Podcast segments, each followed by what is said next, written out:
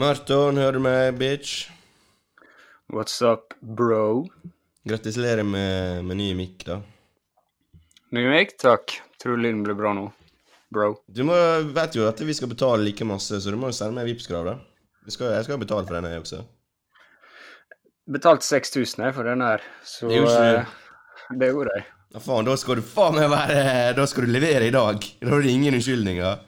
Er det du som produserer? Folk klaga litt på lyden din forrige gang. Det var, alt var din feil. Nei, det er Sånn er det når du stikker med alt utstyret. Sitter du fortsatt i uh, Sitter på Hareid?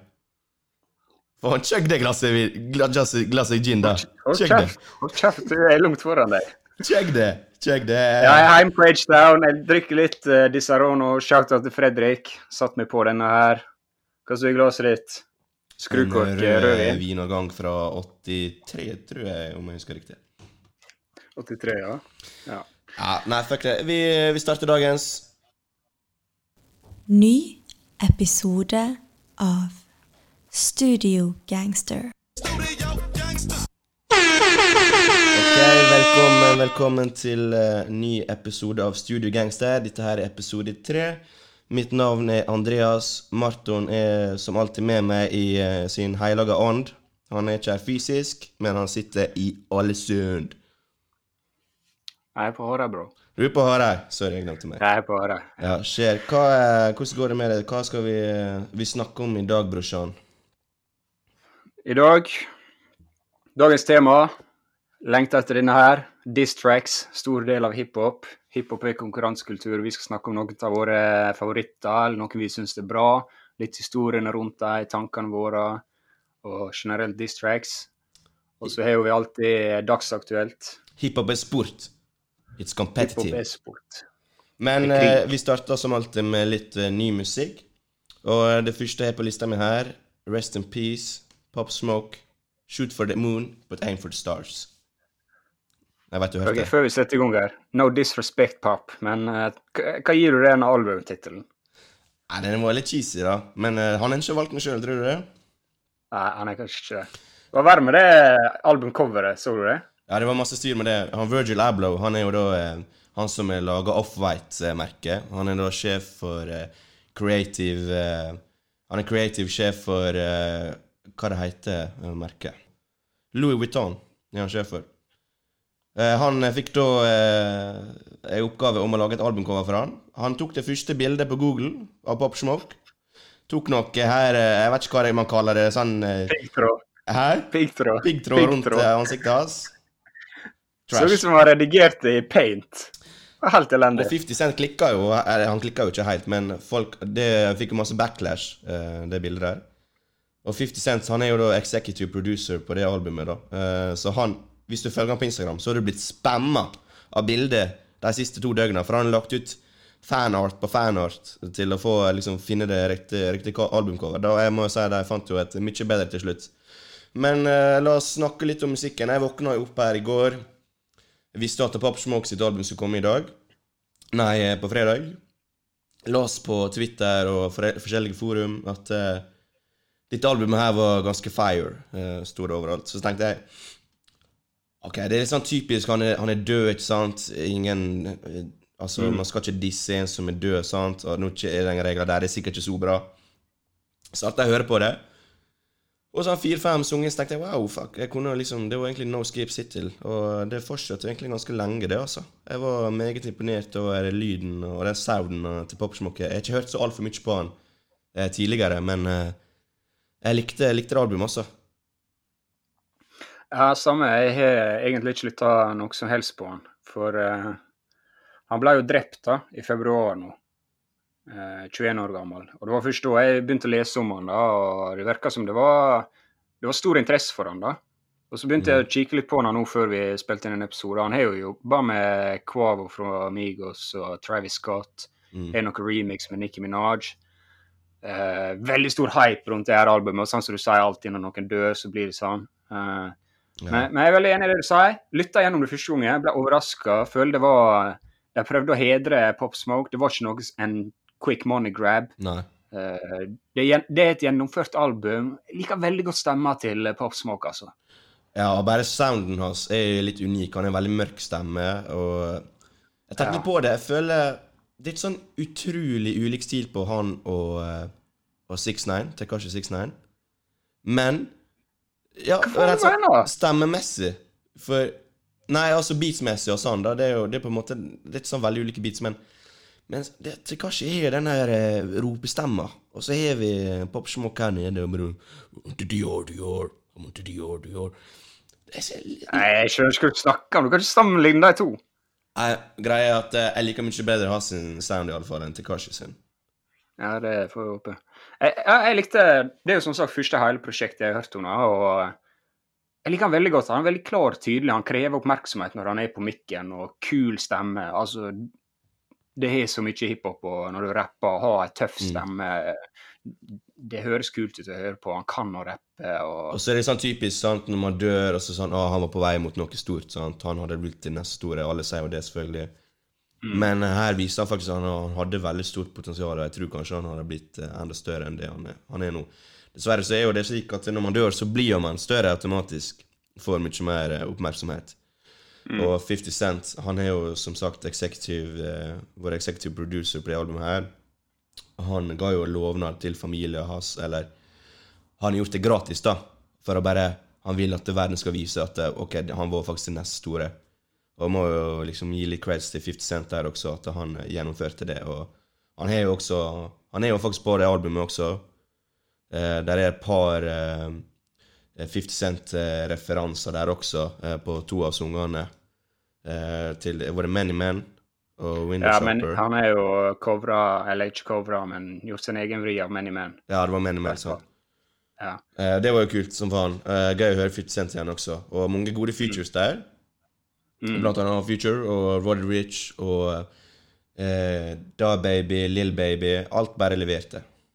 Ja, masse eh, features, og jeg så også folk som eh, nå slår ut bilder av albumet på Insta, Chuck D. Mm. Altså, det er ikke, han er ikke et sånt eh, fenomen nå til dags. Du er 50 som kommer opp i 2000-æraen, du er Nas på 90-tallet, Chuck D på 80-tallet. Det er åpenbart at eh, mange i gamet har respekt for, eller, har respekt for talentet hans og det han kunne vært. og Ja, syns det er trist. da, og det selvfølgelig er det Ja. trist. Eh, vi kan også nevne det for deg som ikke veit det. Han ble jo da drept Det var vel tidligere i år.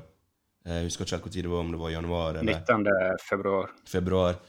Og det var jo av innbruddstyver, fire stykk. Armed robbery. Jeg vet ikke om det var hensiktsmessig å ta han. Jeg vet ikke om det var hjemme med han en gang. Men da ble Jo, jo tror- han eh, Jeg tror det, for de tok ingenting annet. De gikk bare inn dit.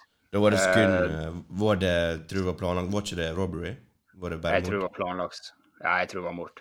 Kjedelig, altså. Det er masse Det har jo vært en del som har gått bort den siste tida. Nipsey, Hustle, Trippel X, eh, Triple X Jeg vet ikke hvordan jeg ikke uttale navnet hans. Eh, viser det fortsatt at det er fortsatt litt sånn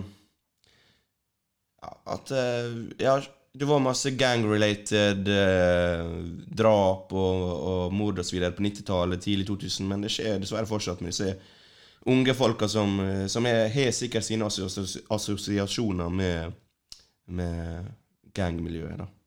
Mm. Nei, det er sjukt. 21 år, liksom. Ja. De blir bare yngre og yngre, mer talentfulle og talentfulle, og så forsvinner de bare sånn som det. Greit. Uh, sjekk ut albumet til Porsmok. Det, det tror jeg faktisk kommer til å bli spilt mye i sommer av, eh, av eh, veldig mange. Overalt, ute Ja. eller inne. Uh, Jeg tror det er noe for alle på det albumet. Hvis du spiller gjennom det. Du kommer til å adde i hvert fall en sang på lista di. Ja. Rest in peace, Pop Smoke. En annen en eh, som lever i beste velgående, det er jo faktisk eh, en som vi snakka veldig mye om eh, forrige episode. Første. Første episode. Vi snakka om veldig mye forrige også. Og det er Hva du snakker om egentlig? Kanye West. Ah, ok, ja. Kanye West, ja. Eh, for første gang på lenge så kan jeg faktisk droppe noe til eh, den tida han sagt han skal droppe noe. Mm. Ny musikkvideo, ny låt. Låta heter eh, Wash Us In The Blood. Ja. Kom på tirsdag, onsdag. Tirsdag, ja. Ja.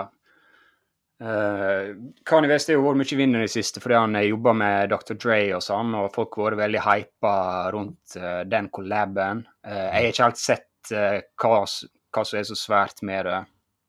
Kanye West kan å produsere, han er ikke den beste mikseren, han kan få hjelp med Dre der, men Eh, jeg, jeg har bare ikke klart å uh, jazze meg opp hver gang det er news da, om nytt Kanye. Hva tenker du før dette her kom? Jeg syns jo uh, Jesus is King var veldig skuffende album. Altså, Det er jo et Mm. gospelalbum. Det er ikke det jeg vil ha Kanye West. Jeg hører ikke på gospel, sånt. så jeg vil jo selvfølgelig ha hiphop. Jeg tror du blander det med de andre nå. Jesus is King. Ja, og så var det et som het eh, Jesus is born, eller? Nei, nei, Jesus King er en som slapp. Det siste Ja, siste ok, tida. Det slapp jo han i fjor. Det var et gospelalbum. Eh, li, veldig lite rapping på det. For han har jo sagt han skal ikke rappe på samme måte som han gjorde før. Han skal liksom alt være mot Så er litt mer gospelaktig, da, rett og slett. Eh, Jeg må si at jeg ble positivt overraska over sounden på det albumet Nei, på den sangen som slapp nå, da. Det var iallfall litt annerledes enn en Jesus King. Og det var jo litt mer tradisjonell rapping av eh, Mr. West. Og eh, slenge inn en feature av Travis Scott der for å få litt kliks fra den yngre garde. Så eh, Nei, altså Det er ikke en sang jeg kommer til å høre på jævlig ofte, men eh, jeg håper eh, Jeg håper det kommer mer av dette her, da, eller han kan bygge videre på det, eller det er noe mer som ligner på det her videre eh, i nærmest framtid, som han kan slippe. Ja, for sånn som jeg sa, altså jeg har ikke vært noe Jeg har ikke sett fram til nytt Kanye West, sånn, for jeg, jeg mista litt håp og tro og sånn. Men når jeg satt og lytta på denne låta her, og spesielt Da var jeg litt sånn Dette er bedre enn hva jeg forventa, eller hva jeg håpte på. Og så kom det siste verset som du snakka om. Han, han rappa faktisk litt. Og da får jeg litt håp. da, Jeg blir litt tent, liksom. OK, mm. kanskje det kan, kanskje det kan uh, bounce tilbake. Jeg tror det. Jeg tror han liksom Jeg vet ikke. Han har jo sin fase, denne fyren, da. Ja.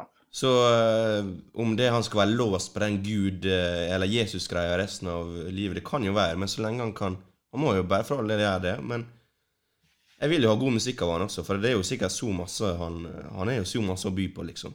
Så bare få det ut, eh, Kanye. Ja, men det tenker jeg også. Men jeg følte også det, Jeg har ikke problemer med det religiøse, for han har alltid klart å blande det fint inn uten at det blir for mye. Mm. Nå i det siste er det kanskje blitt litt, uh, tatt litt overhånd. Men det, det var mer det jeg følte han hadde litt mer fokus nå, da. Litt mer fokus, litt mer retning. Han visste hva han ville, og eh, det, det viste igjen, da, i den låta. Jeg er helt enig. Så uh, Dre har gjort altfor mye eh, på den sangen, tror jeg. Han var jo bare miksa. Og du bruker Ja. vanligvis ikke annonsere hvem som mikser albumet ditt på f.eks. når du promoterer låta, da. Men selvfølgelig, det er jo Dr. Dre. Eh, han er jo stort navn, selvfølgelig. Men jeg håper kanskje vært gøy å høre uh, Dre-produsert Kanye West-låt også, da. Ja, det var kult bare for å krysse det av. Men jeg har ikke, jeg har ikke noe interesse av å høre et uh, Dre-produsert Kanye-album. Det er Kanye det som det er rykter som skjer, da. En uh, Dre-produsert Jesus is King. Uh, Nei, jeg, skjønner ikke det. Altså, det er ikke der Kanye trenger hjelp. Jeg er helt enig, men jeg tror ikke, jeg tror ikke det skjer. Jeg tror, det, jeg tror ikke det kommer en remix av versjonen av Jesus is King. liksom. Jeg tror det kommer et eget prosjekt med et eget navn og som er helt annet, som høres helt annerledes ut. Ja, jeg håper det, altså. Så ja, har du Edren på spillelista di? Nei, jeg, ja, den røyk inn på den midlertidige spillelista mi. Mm. For du har jo hørt jævlig masse på Drake og Travis i det siste, ser jeg. Hva skjer? Har du begynt å Begynt å mykne litt opp, Marton? Nei, jeg må preppe meg sant, til uh, Drake-albumet kommer. Jeg må vite hva, hva han har stått for før, hva, hvordan kan vi rangere litt på resten av diskoen hans. Men uh, jeg har ikke begynt å mykne opp, nei. Nei, okay. snart. Det er ikke noe Studio Gangster her, altså. Eh, hva eh, annet har du hørt på da, i det siste, som er droppa? Det er derfor jeg ble veldig glad denne veka her. Nytt Griselda-album, Westside Gun. Er vi Griselda på den, eller? Vi er Griselda på ikke- Griselda og Freddie Gibbs. Ja. Nei, men Westside Gun kom med nytt album. Fly God is an Awesome God 2. En oppfølger til uh, Fly God is an Awesome God, som var et ganske bra album. Uh, vi snakka litt om Westside Gun i første episode av Griselda og sånn. Vi jo, innså jo begge to i ettertid at vi kanskje skulle introdusert Griselda. Griselda er jo et pla eh, uavhengig plateselskap som består av eller som ble starta av brødrene Conway the Machine og Westside Gun. Og så har de søskenbarnet sitt, da. Benny the Butcher med på laget. Jeg visste ikke at de var i slekt. Nei, det, det er de. Takk faen. Så det er jo de tre. Det er derfor vi har den på den her, for at du opplyser hverandre. Ja, det er viktig. Mm. Nei, men så eh, De er jo signert eh, Shady Records, eller det er en distribusjonsavtale der. Og jeg tror alle er uavhengige eh, management deals med Rock Nation, faktisk. Så Ja. det er litt om Griselda. da. Vi kommer til å snakke mye om dem. Altså, de har 15 prosjekt som er annonsert, som kommer. Så de, de dropper hele tida. Westside Gunn sa senest på Instagram i forgårs at eh, han satser på å få ut et nytt album i løpet av august. Faen hva de jobber, altså. De slipper nesten for masse. Ja, de jobba. Og det tror jeg Hvis du hørte det albumet her Det var ikke det beste albumet med Westside Gun. Jeg, jeg, jeg føler ikke det helt. Jeg, jeg digger de gutta, og sånn som jeg sa eh, i første episode med Pray for Paris, Westside Guns første album i år eh, Det blir litt for kreativt, det er litt for lite føring der. Mm. Det er litt for, eh, litt for lite håndfast. Ja. Det virker som det er litt sånn monograbbing nå. De bare smyr eh, de, de, Altså, de, de slår til mens uh, jernet er varmt. Det kan være, altså. Uh, jeg syns Conway og Benny the Butcher er mye mer glad i dem, da. Jeg føler de har, de har formål med albumene sine, og de gjør det bra. Men når Westside Gun sier jeg skal ha et nytt album ute i august, og så sa han også jeg brukte bare 30 timer på det albumet her. Mm. Jeg veit jo ikke om det er sant eller ikke, men altså, da er det sånn The cash grabs. The money det, grabs. det er ikke det vi trenger. Det er ikke det vi trenger. Bruk heller litt ekstra tid. Ja. Nok om det fra Griselda. eh, Du har jo en fot innenfor Griselda Records, men vi skal ikke Vi må ikke, må ikke bruke altfor mye tid på det, føler jeg. Du, jo, du kunne jo snakke om det i en time, du. Nei, altså hvis du vil sjekke ut Griselda, ikke begynn med det albumet her. Det er det jeg kan si. Statement. Statement. Greit. Uh, Megan Thee Stallion slapp jo en sang. Kuleste dama i huden. Hun vokser på meg, ja. Hun er kul. Jeg er enig i det. Ja, hun, er kul, hun er kul. Uh, forrige fredag så slapp altså Megan Thee Stallion 'Girls in the Hood'. Uh, en låt som er en vri på ECE og eh, 'Boys in the Hood'. Ja. Sampla inn den og gjort sin vri. Hva, hva tenker du om den låta? Den var kul, ass. Den fikk meg litt hype når jeg hørte den. Jeg likte den. Ja, Det er litt sånn der, litt sånn der easy Faktisk, Hvorfor har ikke noen tenkt på det her før? Girls in Hood. Boys in Hood den er jo så gammel som Hvorfor har ikke for eksempel Nicki Minaj eller noen andre gjort dette her tidligere? Nei, det er litt sant. Jeg, jeg er veldig enig. Ja. Eh, Det er genialt, da, for det- hun, hun liksom frir til jentene med å være den, den kule dama med sjøltillit som driter i det, og hun, hun er så laid back, hun bare gjør det hun vil. Mm. Mens det vi oldheadsa, vi liksom Ja, OK, kult, du viser respekt til ICI, og du har den biten der og sånn, sant. Ja, ja. Så hun, hun, hun er liksom smart, og Hun klarer å liksom eh, komme seg ut til alle mulige typer publikum. Og så tror jeg, når alt kommer til alt, så er det Hun prøver å få en sommerhit ut av det her. Og det tror jeg det tror jeg det kan bli, altså. Det er en kul låt. Eh, og hun kan å rappe. Hun er absolutt uh, oppe og nikker der. Over Nikki, føler jeg akkurat nå. Ja, sånn rent uh, rappteknisk føler jeg det er Megan og No Name som er på toppen nå. Så det er bare sånn teknisk flinkest til å rappe. Så uh, Sjekk det det blir veldig spennende å følge henne. Sjekk det ut. Uh, har du hørt noe annet, eller var vi dømt der med ny musikk? Ja, jeg har ikke hørt så mye eh, nytt utenom det. Altså, det var litt død, dødt forrige uke, tror jeg. Ja, det, det er sant. Yes, det kan ikke være en podkast uten å snakke om Freddy Gibbs uh, også. Vi, det er jo Freddy Gibbs og Griselda-podkasten her, når Morten får kjøre det løpet i så fall. Freddy Gibbs han er jo kjent for å være en litt sånn trollaktig fyr på, på nett. Og nå har jo en kar som kanskje ikke alle er så godt kjent med, men han heter iallfall DJ Academics. Han er kan man si da, han er en blogger. Eh, han har en stor plattform eh, som han bruker for å snakke om hiphop. Eh, han har en stor following på, eh, på Twitch, tror jeg. Han bruker masse, og YouTube og Instagram. Eh, jeg tror spesielt den yngre generasjonen i USA, de, de hører på hva han sier. da. Han er ikke så veldig ikke så veldig mye respekt for den eldre garde, tror jeg, innen hiphop-miljøet. Men han er da rota seg bort i en liten beef med, med Freddy Gibbs. Eh, der de rett og slett måler, måler penis og hvem det er som har mest penger. Eller han Han mener iallfall det. Han har mye mer penger enn uh, enn Freddy Gibbs, som er en rapper, og han er en blogger. Og han har mye, mye mer penger og mye større hus enn Freddy Gibbs. Fuck menings. Ja, altså, jeg husker ikke når det her begynte. Det var den veka her. Mm. Jeg bare våkna og sjekka Twitter, og så ser jeg plutselig bare Fred Gibbs uh, retweete en fyr uh, og bare skriver 'Bitch, I'm gonna squeeze your titties'. My son's room is bigger than your house. Ja, ja. Prøver å følge den tråden her. Han fyren eh, Academics Jeg visste ikke hvem det var, liksom. Nei, det er ikke så mange som gjør det, men jeg tror han har en ganske godt forhold til 6ix9ine også. Han, har, han hadde et show på Complex eh, som kanskje noen har sett, het Everyday Struggle, og det var ganske stort, spesielt i USA. Nå har det tatt litt av da, etter Joe Budden, som også var i det showet. Han, eh, han slutta i det showet. Men han kjører fortsatt på. Han tjener sikkert masse penger, han godeste de Academics, men nå er han faktisk blitt kansellert av Complex. Så eh, spørs hvor mye mer penger han har.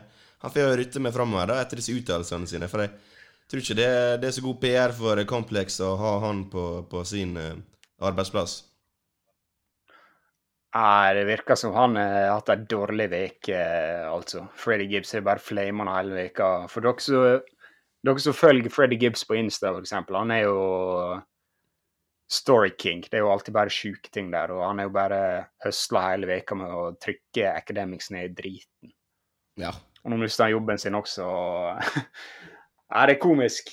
ja det er cool. Freddy Gibbs eh, i GOAT-diskusjonen hvis du snakker om morsomste rappere. Han og 50 Cent tror jeg er oppe, oppe og nikker der. Ja, det tror jeg. Ja, shit. Det er bra der. Greit, men da eh, leder jo disse, dette her fint inn til, inn til temaet vårt i dag, som er beste diss tracks, eller beefs. Jeg kan starte, Marton, med litt uh, vi, Det er så masse å snakke om her, da, uh, så det er bare å hoppe i det. Vi, vi starter med litt nyere beefs. Skal jeg take it away? Kjør, du. Alle har helt sikkert fått med seg den eh, beefen her som var, var tilbake i 2014. Uh, det var Drake og Meek Mill. De var jo i utg- utgangspunktet ganske gode venner. De hadde jo nettopp sluppet en sang i lag på, på Meek Mill sitt album.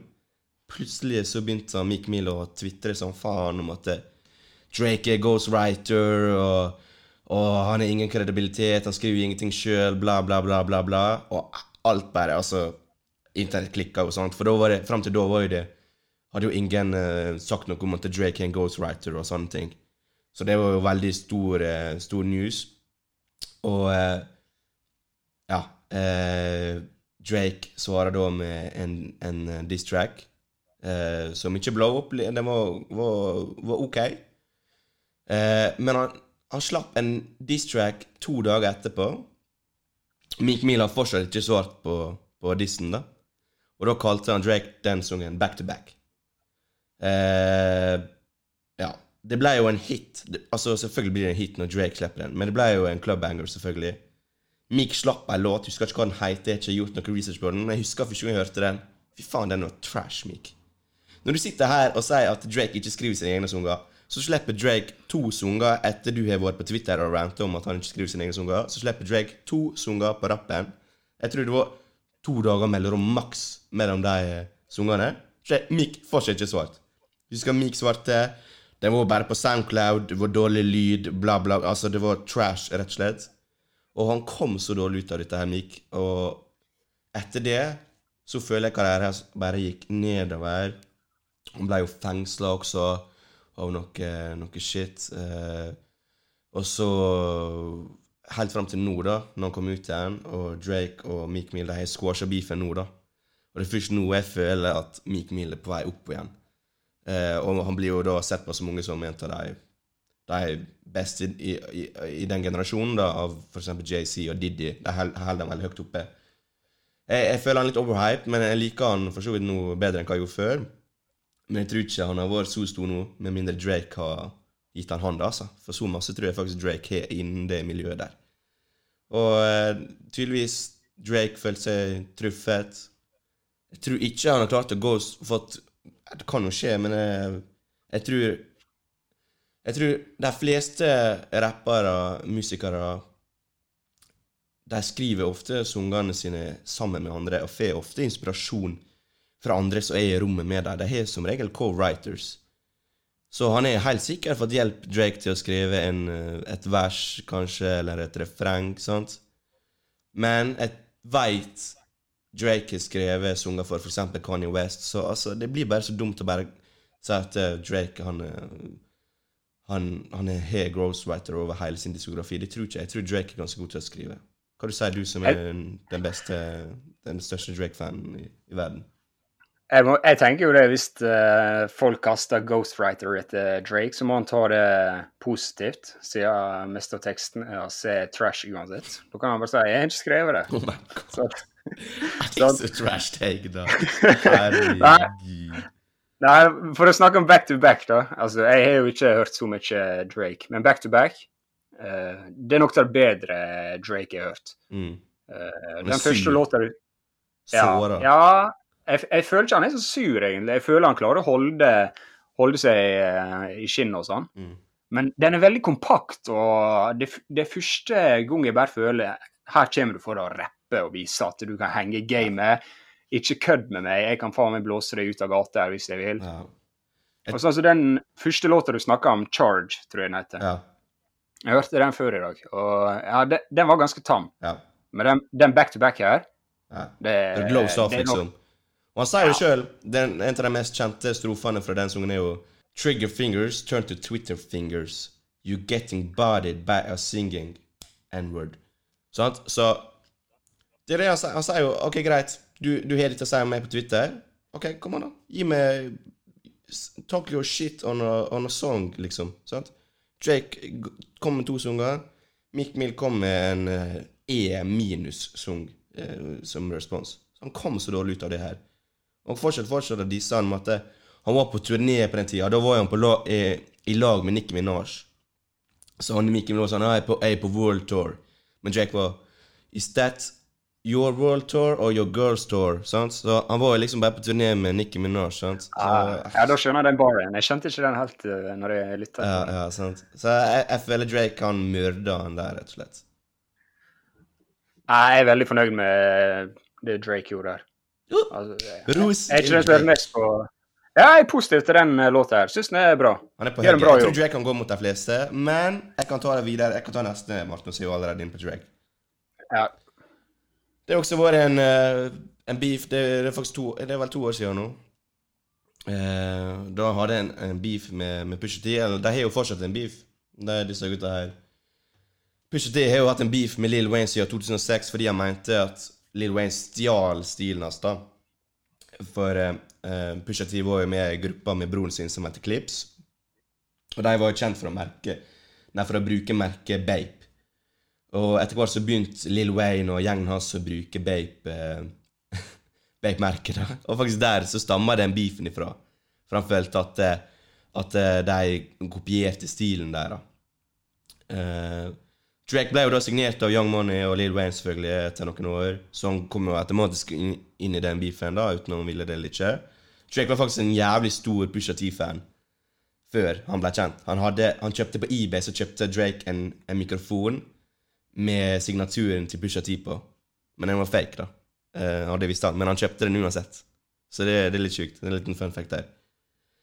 Eh, ja, så det, har jo beefa flere ganger eh, Nei, de har jo dissa hverandre flere ganger opp gjennom åra. Pusha disse, disse som regel begge ghostwriter-greiene. Drake eh, dissa pusha fordi han var en fake coke dealer. At han liksom Han Pusha T har bygd opp hele diskografien sin og var en dope dealer. sant? Drake mener bare at Det det, er bullshit, han har hørt fra folk Det var litt morsomt. han har hørt fra folk at det er fake, at han rett og slett er en studiogangster. At han går inn i studio og later som en coke dealer. Som han mener. Ja, men det, det er jo ikke det han sier. Det, det han sier, det er jo det at eh, du snakker som du dealer coke til Pablo Escobar, men du har bare gjort det til high school kids med Mercedeser. Ja? Det er litt morsomt, da. Det er litt. Det er litt gøy. Ja, det kan jo være sannhet i det. Det får vi aldri vite. Men uansett For det er den Duppy freestyle, sant? Ja, Det er dub-freestylen til Ja, det er, Lil Wayne, det er Drake sin, sin sang Uh, som han Ja. kom til Plutselig så slapp han Drake en diss-track til til, uh, til Pusha T etter han dissa han på, eh, på en infrared-sang hans på, på Daytona-albumet. He took the bait. Ja, det, ja, han, ja, han tok det bait. Og etter det så gikk det to dager. Jeg tror Pusha T skrev den sangen før, uh, før Drake kom med i Freestyle, altså. For han har faen meg gjort sin research her. Det er helt latterlig. I den sangen her så går han på personangrep på Drake, da. Han avslører at han en, at han er en unge. Det var ikke kjent for noen i verden at Drake hadde en unge. At mora til ungen er ei pornostjerne. Han avslører hva ungen heter.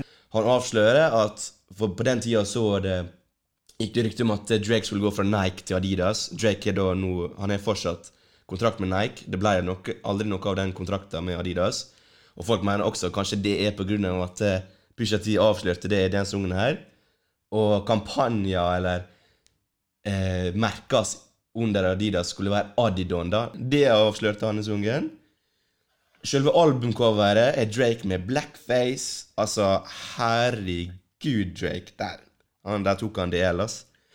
Eh, han tar shots til, mot faren til Drake, at uh, han er en deadbeat motherfucker, og at det liksom han at, at faren til Drake ikke var til stede, og at Drake kommer til å være det samme han, mot sin unge. Uh, han avslører at vennen og produsenten hans, som heter Noah Forty Shabib, som jeg snakka litt om forrige episode, at han er sjuk og muligens kan dø av den. Altså, wow. Det er mye greier i den, eh, den sangen der. Og Drake Ah, mente jo at Pusha T gikk over linja der, og han sagt sjøl at Drake sagt at han har skrevet en respons-sang, men han bare scrappa den helt, for han ville ikke gå dit, da. Gå den veien, for han mente at det kunne bli stygt, og at folk kunne bli skada. Så Eh, Si hva du vil om Drake, men faen, han rota seg borti masse Jeg tror det er masse heavy shit her, altså, som vi ikke vet ja, det, det er totalt slakt. For det, det er jo sånn som du sier, altså Mora til sønnen som er pornostjerne. Det er jo ikke noe galt i det. Hun er det er ikke det Hun er ikke pornostjerne, det er fake.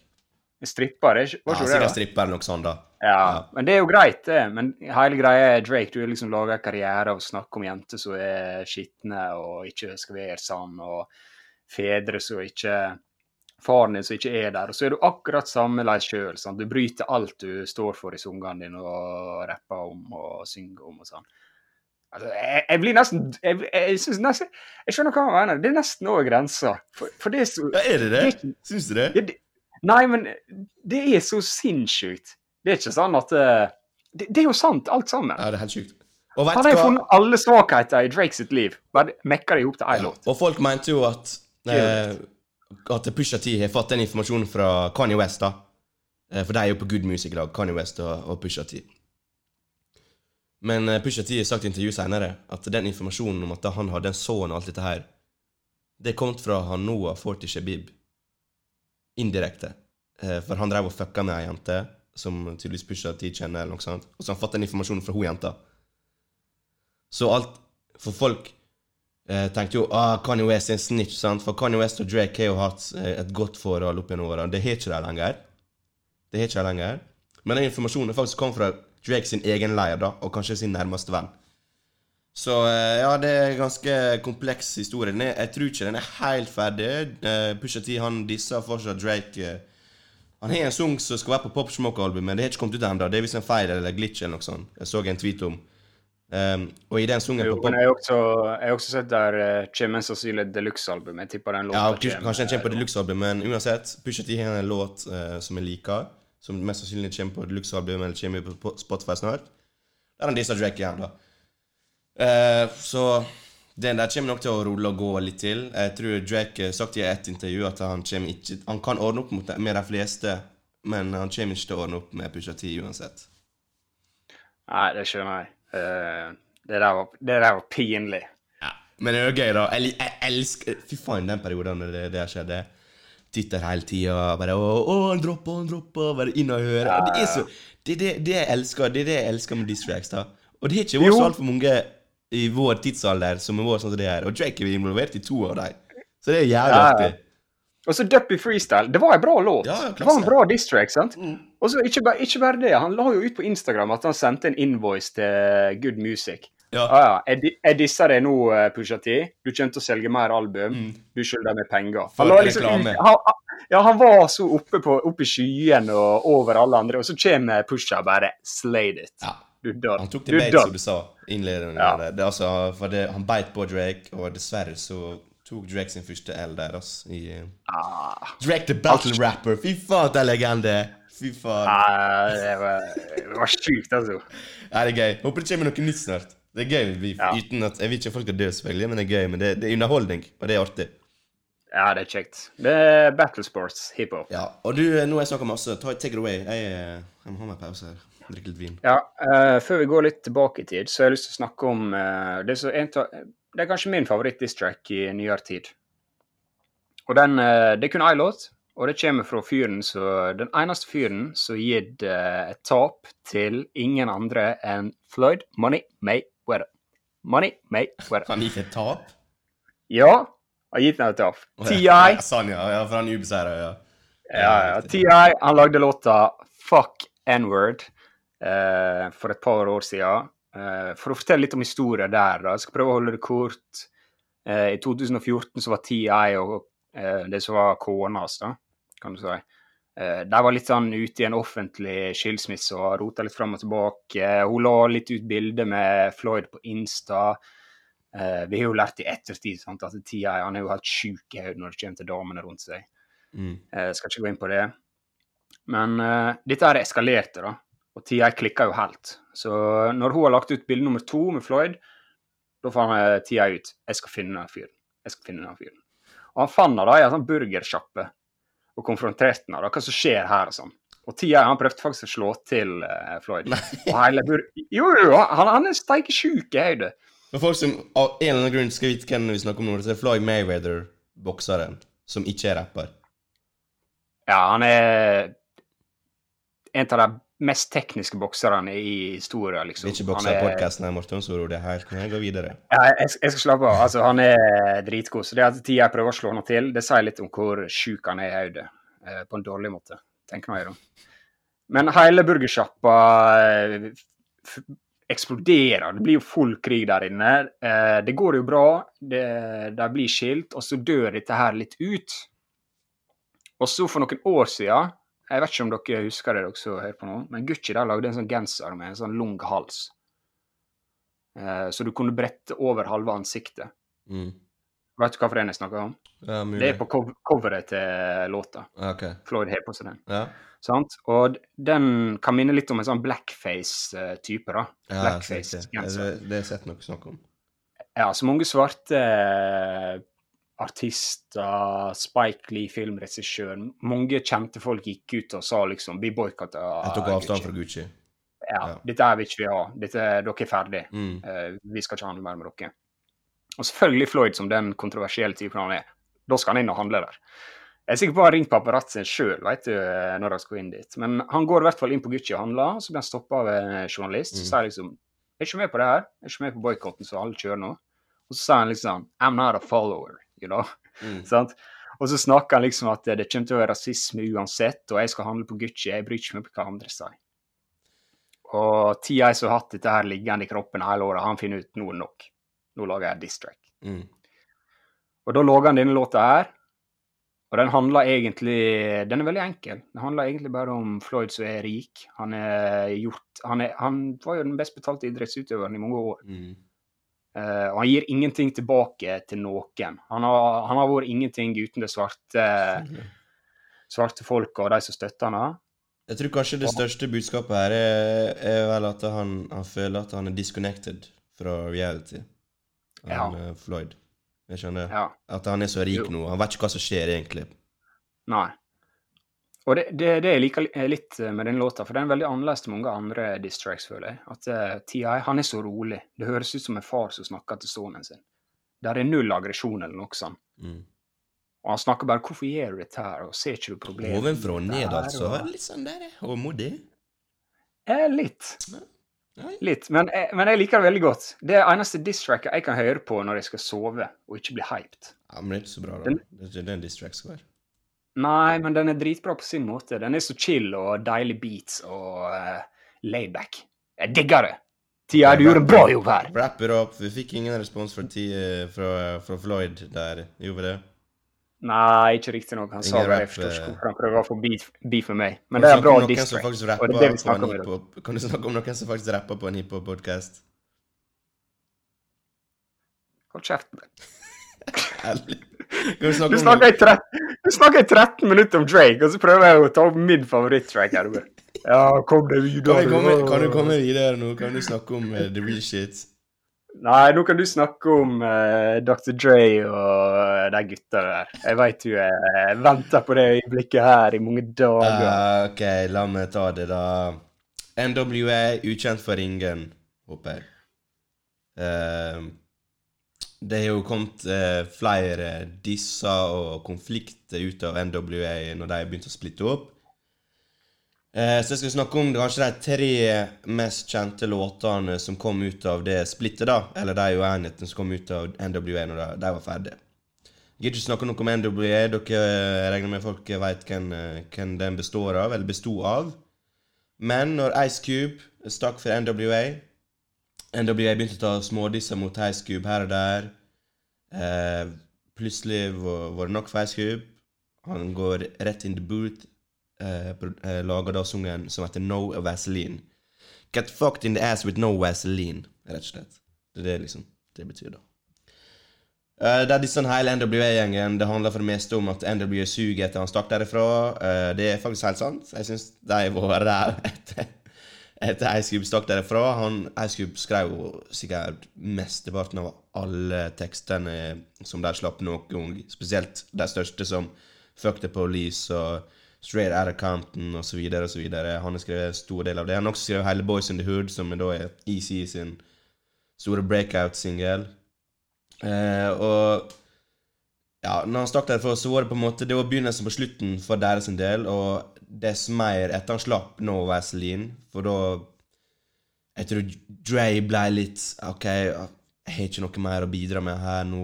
Vi har ikke Jeg følte jeg, følte jeg mista talentet sitt da med Ice Cube. Han er jo en fattelig god låtskriver, altså. Ingen tvil om det. Eh, kanskje den største Jeg tror av mange så blir dette sett på som en av de beste distracksa som finnes. No Vaseline. Jeg vet du eh, liker den veldig godt. Ja, altså Det er ingenting som å høre Ice Cube go off på mikrofonen. Han bare han- alt på deg, alle Ja, sammen. og du, du veit han er vår midt oppi dette der. Ja. Alt han sier, er facts. Eller det er sant. Alt altså. riktig, Det, sant? ja, det er ikke noe han sier for at det høres kult ut og eh, sånn. Mm. Det han, han kjenner gutta. Og han ble jo liksom. Han hadde jo aldri dissa deg, og så plutselig begynte jeg å disse han når han stakk. Og eh, han hadde jo et veldig suksessfullt al album, 'America Most eh, Wanted'. Ja. Ja. Og det var jo, gikk jo eh, jævlig bra med det når han jeg begynte å gå solo. Men han, han dissa ikke NWA på den låta. Plutselig begynte NWA å disse han. Selvfølgelig smekker han tilbake til deg. Når han har skrevet noen av de største hitsa der, og som fortsatt er de største hitsa i dag, i dag en, i, i, altså i, her i dag.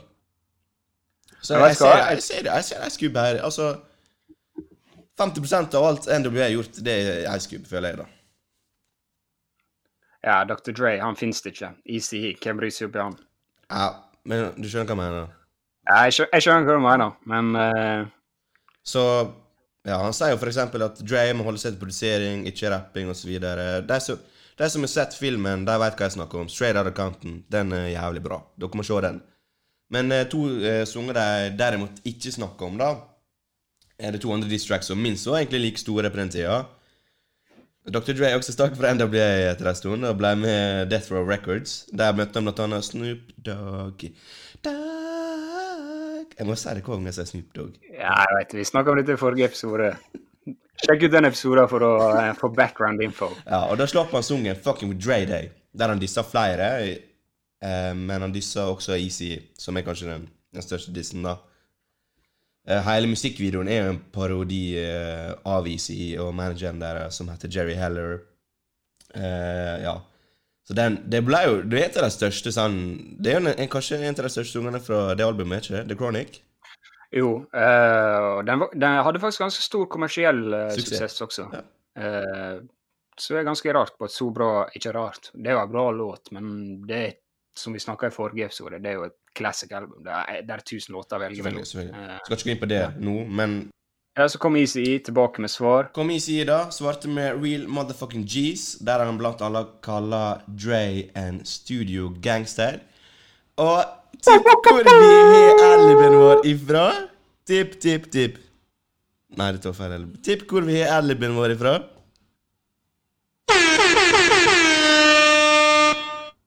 Det er fra den sangen. Det er selvfølgelig Studio Gangster. Det er ikke som sier dette her, det er en annen som rapper, men Studio Gangster, den er for real motherfucking G's.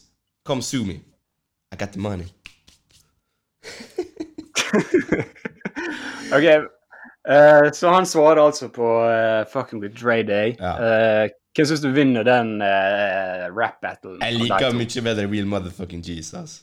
Jeg syns Easy er så kul. Ass, jeg også er helt enig. Jeg klarer ikke å gå imot Easy. Easy er så jævlig gangster. Han, Han høres ut som den lille kødden som du, du egentlig hater, men han er så kul på en måte. så jævlig kul. Og så Ja. Greit nok, han skriver ikke sine egne låter alltid, sant, men jeg gir meg faen, jeg, så lenge Bare se han, se han i musikkvideoen, bare se han i Straight Compton. Bare Dette er en ekte gangster. Ja, han jeg, var jeg, jo jeg skal ikke si det, men han er faen ikke Jeg må bare si det, han er ikke en studiogangster. Han er ekte gangster. Og Dre var kanskje en studiogangster, sant? Så eh, ja. Og noe som jeg, jeg kan legge til her, er at uh, Easy ble jo banka opp som faen for at, uh, han skulle, at Dre skulle bli signert til Death Row Records. Og han, Easy saksøkte jo uh, Dr. Dre og Death Row etter det skjedde. Og da var, fikk, uh, fikk han en avtale eller noe sånt om at eh, i løpet av de neste seks åra så skal han få 20% av alt Dr. Dre gjør, eller Death Row Records gjør. Så når eh, Dre eh, dissa ECE Easy med 'Fucking with eh, Dre Day', så fikk jo Easy penger. Så han sier jo det at eh, eh, Han sier jo det Dre Day only meant Easys payday. Sant? Så, samme det, du kan disse med så masse vil, bro. Jeg får betalt for det. Ja, det, det låter jeg klasse, altså. Den, Ja. den går langt under radaren, føler jeg, når folk snakker om diss tracks i dag. Rest in peace, Easy. Fy faen, ass. Eh, legende. Legend. Mye NWA-greier her, da. Uh, heldigvis så ordna Iallfall Dre sagt, men jeg tror folk er litt tvilsomme til det, om det er sant eller ikke. Men han sa at de fleste ordna opp før ICI døde, og at de var klare til å liksom regruppere og lage ny NWA-musikk. Det skjedde jo selvfølgelig aldri, da, men uh, ja. Eh, Ice Cube og Dr. Dre er iallfall gode venner her i dag, og det skulle bare mangle. Men sjekk ut Straight Out Compton hvis du ikke har sett den. Det er en klassefilm. Det er en klassefilm. Sjekk ut musikken der med hvis du ikke har hørt den. Det er enda mer klasse. uh, OK. Uh, denne neste låt Vi må uh, begynne å tenke på wrap, wrap it up. Denne låta var du som nevnte. Ikke min favoritt Tupac diss track. Du vil snakke om Hit 'em Up. Ja. Hvorfor vil du snakke om den, Andreas? Ikke, For en eller annen grunn så tror jeg at det er Folk tror at det er den beste rap- eller beef-sungen som finnes da. Den er jo bra, da. Den er bra, og den er jævlig kul. Altså, Sungen er jo bra. Mm. Det er en av kanskje Tupac sine best, mest kjente sanger også. Uh, du, jeg søkte opp Tupac på uh, YouTube før vi starta podkasten. Tror faktisk det er den mest uh, spilte videoen av Tupac. På YouTube. Ja. Mm. Jeg fant ingen som har spilt mer, så eh, det kan faktisk godt stemme. Ja. Snakk om denne, bro. Ja, jeg kan begynne, for det her er jo eh, Du må jo tilbake til eh, East Coast, West Coast, beefen, kan du si. Mye oppsnakka, var ikke alle som kjente seg igjen i den. Men uh, Tupac Hit Them Up, en av verdens mest kjente diss tracks. Jeg kan si litt hvor den kommer fra.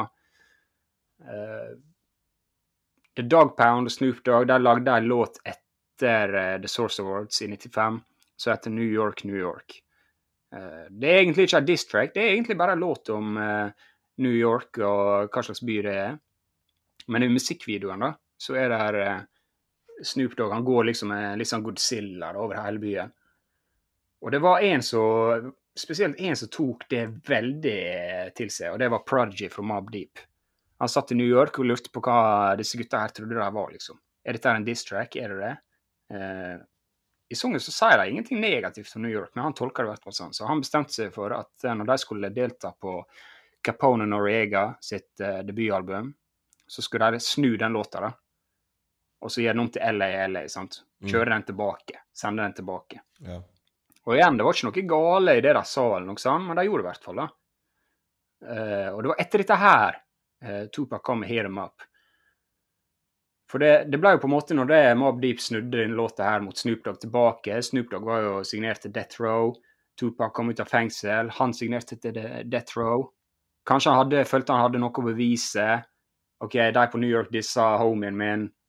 Nå, nå skal jeg komme tilbake. Sant? Park var jo veldig på krigs... eh, han var veldig aggressiv og eh, veldig på da, når han kom ut av fengselet. Så da lagde han denne låta her. Det var mye fram og tilbake. Eh, var dette her folk som ville var imot hverandre og sånn og sånn? Uansett, Park lagde den låta her. Han kjørte knallhardt mot Mob Deep, Biggie, Nas, JC, Junior Mafia, Lill Kim. Sant? Han går hardt ut. sant? Ja. Låta er klasse. East Coast, Eh, West Coast der. Ja, han, han erklærer jo krig mot eh, alle disse store i New York. sant? Mm. Og eh, jeg vet ikke, jeg lik, det jeg liker så godt med denne låta, det er Park kan klare å være forbanna, samtidig som han har den swaggeren han har, for i mangel av bedre ord. Mm. Han er så kul når han gjør det, og laid back, samtidig så føler du liksom sånn Ja, det er riktig det han sier. Ja, det, jeg tror på Ja. det, liksom. Det er troverdig. Ja. Det er ikke kødd, liksom. Og det hjelper jo å være Tupac, da. altså Ja, for all del. Kul fyr, rett og slett. Sjukt, sjukt bra triks over eh, Tupac. Ja. Creds til han. Jeg kan jo nevne, jeg kan jo nevne da at eh, av alle eh, Park eh, nevnte i den låta, så var det kun Mob Deep som svarte. Da jeg ga ut låta 'Drop a Jam on Them', så er ei sjukt kul låt. Sjekk den ut. Eh, Mm. Men en måned etter de slapp den låta, så ble Park drept. I respekt av familie så trakk Mob Deep den låta fra radio, og de hadde egentlig tenkt å lage en musikkvideo sammen. Ja, Eh, men de trakk den også, da. Selvfølgelig. Respektfullt, men selvfølgelig også. Ja, Så det var kanskje en låt som aldri fikk noe virkelig svar, da, og ble akkumulert til noe mer. Park ble drept, Biggie ble drept. en stund etterpå ble Biggie drept, ting døde litt ut, sant. Ja, Jeg veit hvor det- seriøst folk mente det når det var hits fram og tilbake. Det er jo det som var på den tida da Folk tenker jo det er av den beefen mellom West Coast og East Coast at de to døde. Så eh, det, Ja, det er jo det er jo kanskje det største tapet i hele hiphop-historien. To beef som er akkumulert i to store dødsfall. To tragiske dødsfall. Som vi har fortsatt til Ja. den dag i dag ikke vet egentlig den egentlige grunnen, da. Men uh, helt sikkert noe med den beefen der er noe, noe på et eller annet vis. Ja, det er jo et helt tema. Eh, akkurat det. Det er jo en, det er en episode, det, Morten. Uh, men, eh, så vi får bare gå videre, for jeg vet jo vi snakker litt om eh, din main man, eh, Nas. Ja, vi kan ikke snakke rap beefs uten JC versus Nas. Og jeg, jeg, jeg må bare melde her, jeg tror faktisk for de som hører på nå, vet at de har hatt en beef. Jeg melder det. Du tror det? ja. Ikke for å disse publikummet vårt, men jeg, jeg tror faktisk at det, det er ikke mange som vet om det. Jeg er helt uenig. Jeg, jeg tror dette er største rap-beefen noen gang. OK, snakk, da. OK, uh, takeover. JC, du har vist kjærlighet til Nas i mange år. Du kommer med blueprint. Der er diss-track. Starter med Take på, take, eh, på track 2. Takeover. Takeover. Ok, la, la meg begynne litt før vi går videre på Nas-beefen. Uh, første verset på denne låta her, som mange glemmer, det er jo til Prodigy fra Mob Deep. Mm. Og jeg kan forklare hvorfor eh, det verset er til Prodigy. Og det er jo sånn som jeg sa, at i Heat Em Up så blir f.eks. Uh, JC blir nevnt i det der. Park nevner JC. Mob Deep er den eneste som tør å svare. Nas er stille. JC er stille. Altså, så kommer JC på Vol 2. Han lager en sang som heter uh, Money, Cash and Hose. Og der sier han New York been soft ever since Snoop came through and crushed the buildings. I'm trying to restore the feelings.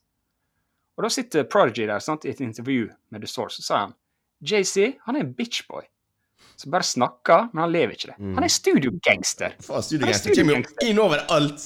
Helvete! Ja, det kommer inn overalt! Prodigy har ikke tenkt å finne seg dette. Han lagde en distract tilbake. Han var klar til å gå i krig. sant? JC han holdt kjeften sin, men med en gang begge to er døde og ting, ting liksom roer seg, da skal han begynne å si ting.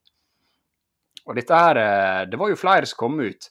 LL Cool J kom ut og sa det er faktisk sant, det Prodigy sier. JC er en studiogangster. LOX sa det. Fat Joe sa det. Jay mista mye kredibilitet etter dette der. Så når han skulle lage Takeover, da en diss-track, da følte han Prodigy, du slipper ikke unna med det her. Så første verset er jo bare til Prodigy, og ja, du selger dårlig album, jeg er mye rikere enn deg. Og jeg har et bilde av deg i ballerinadrakt. Mm. Uh, og det er jo sant. Han Prodigy eh, vokste jo opp med bestemora som var sånn uh, jazz... Uh, Entusiast. ballettdanser. Jazzkanon. Ja. Så han hadde på seg sånn Mike Jackson-kostyme eller noe sånt. Anyways. Så det er der den kommer fra. da. Ja. Og jeg kan jo fortelle hvordan den beefen ble squasha også. Uh, På to ord.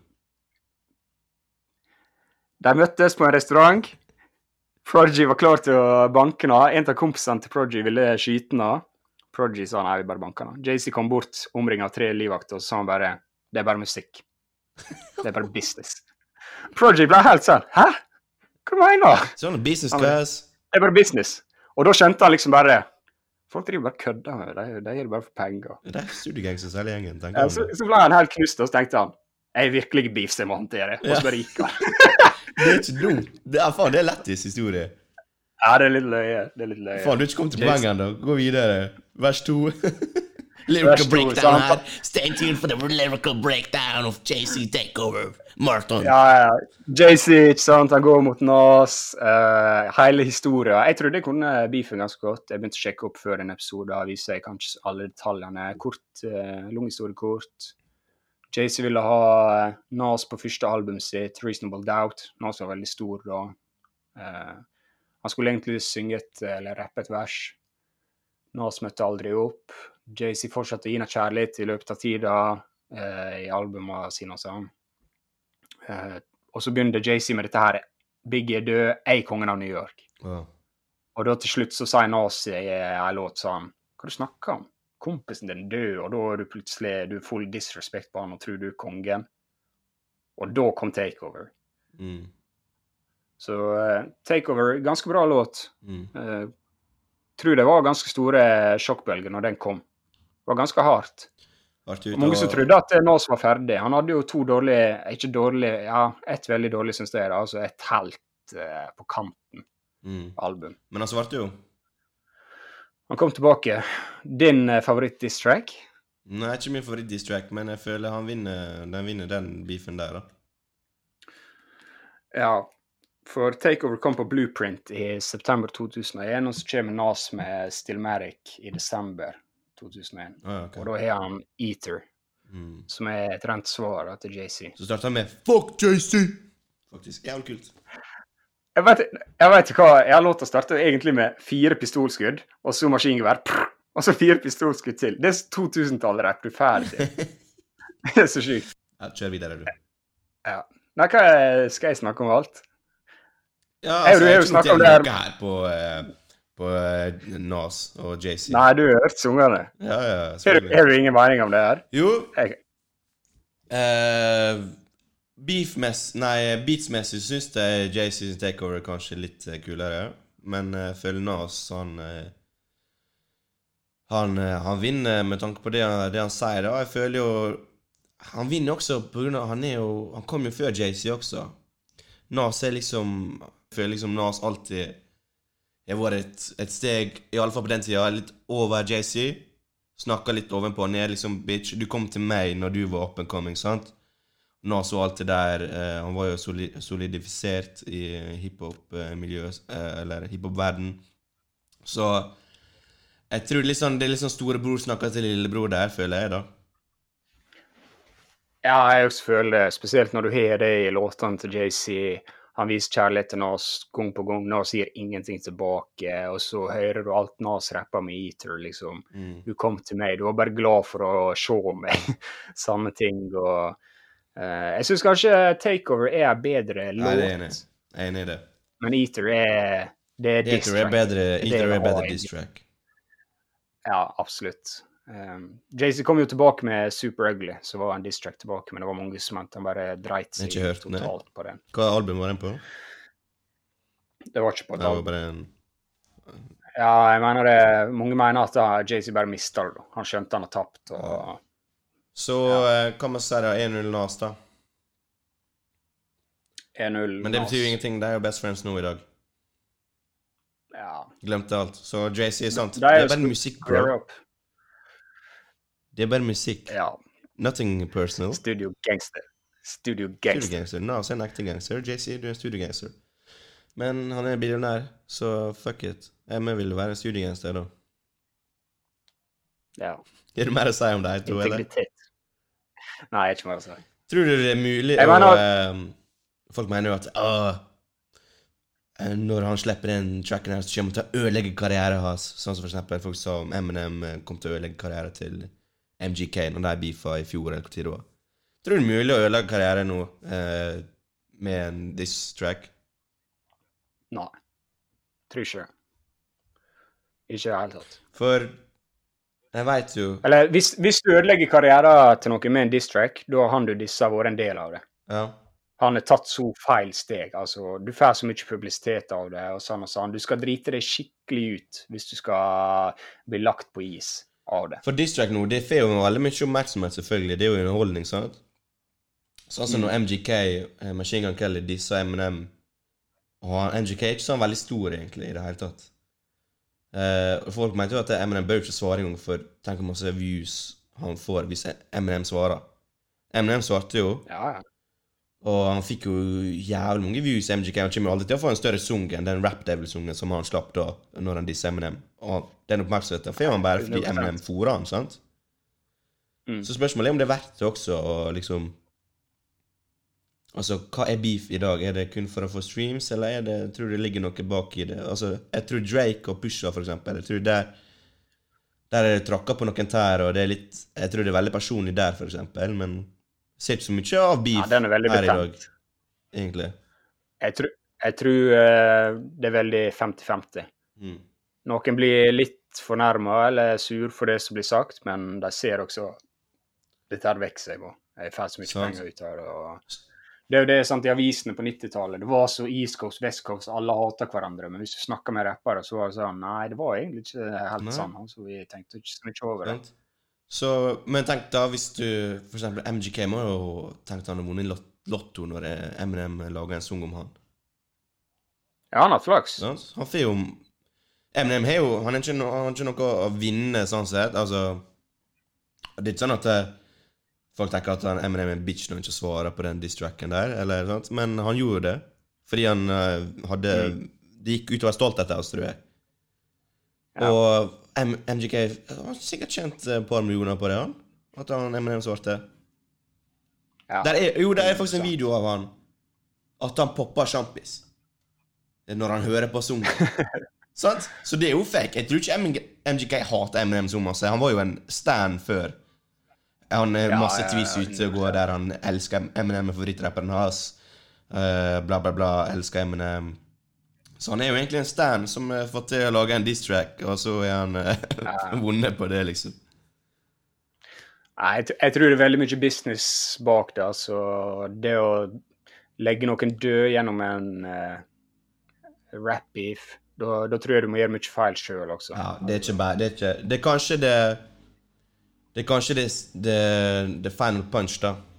Hvis det er en diss-track Ja. som uh, gjør at du, uh, du går under. Eller karriere går Ja. under. Sånn som Ja. for eksempel 50 Cent og Joe Rip Rule. Academics. Rip Academics. Rip Academics kommer ikke til å se mer av han. Freddie Gibbs. Jeg laga god grav til han. Uh, ja Rule.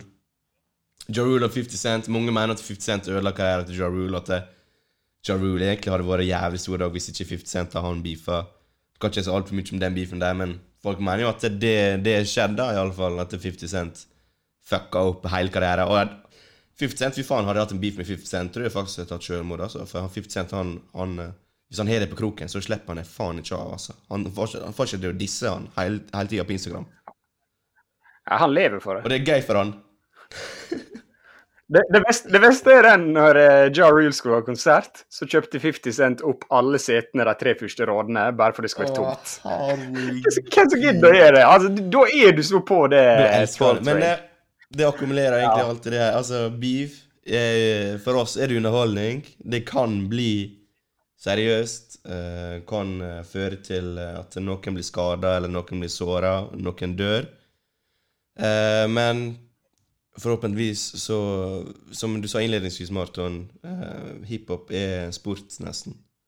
Og distracts, det du måler hvem som er best. Og det er det vi liker med det, da, distracts. Og måle penis. Se hvem det som har de beste lyricsa, og hvem som har beste beatsa. Og hvem, hvem som klarer disse hverandre best. Ja, det er kjekt. Det er sånn som jeg sa, jeg er på ingen måte Drake-fan, men uh, det er kult når han må komme på tå Mm. og, eh, og liksom, Bevise bevise For seg sjøl og andre Ja. at uh, jeg har noe her å gjøre. Jeg har ikke kun uh, Ja. Hotline Bings og de sangene på laget. Jeg kan faktisk å rappe også. For uansett om uansett, Når du først er en beef, så vil folk alltid snakke om den beefen. når du, de snakker om karrieren din. Han tapte den Da beefen. har du en L. Og det er greit. Kanskje, kanskje du fikk mer streams, og du tjente penger på det, og du ble mer populær, men du vil ikke ha på deg den 'han tapte det'. Ja. Det betyr han var mer skilled enn Ja. deg. Shit. Ok, Martin, jeg tror vi har fått uh, dekt det meste her. Vi har snakka i over en time om alt fra Drake til Tupac og Biggie og alt som er. Beef er artig. Mye historier. Så lenge ingen, eh, lenge ingen dør. Uh, har du noen siste ord? Som, som regel så er ikke jeg du skal ikke ha siste ord, jeg har en som skal ha siste ord, men vil du si noe før jeg gir personen mikken? Slide in DM-sa. Uh, sjekk ut TI. Sjekk ut med låta jeg snakker om. Uh, Tusen takk for at du hører på. Jeg har. Eh, vær snill, del oss med andre. Vi får ikke lyttere med mindre dere som hører på, liker dette deler det med noen andre. Så hvis du liker det, please, please, del det med noen andre. Jeg eh, skal gi mikrofonen her til en god kompis av meg som heter Snoop Dogg i dag. Eh, han får da siste ord. Snakkes. Uncle Snoop. they always call me like to be the one to settle the differences. Wow. Like, You're I'm, that guy. I'm the guy that they call on. Like if it's two rappers beefing, at the end of the day, Uncle Snoop gonna get a call from both That's of them. awesome. That's so awesome. And then dude. I'll put the leverage on you was wrong and you was wrong. Let's get right. You know what I'm saying? I'm never gonna say that. You know what I'm saying? So Yeah. that way it always gets resolved. And it's like that's just been my role for like the past 15 years. Like they call me Uncle Snoop. Can you believe that? I know. How did I go I didn't know. I didn't know that. That's why they called you that. That's though. the that's doesn't it make sense now? It totally does. If there's a Totally cool ass sense. uncle that you can go to Yeah. to help you with shit to, to to help you navigate and to be there when things ain't right, it's your uncle Snoop.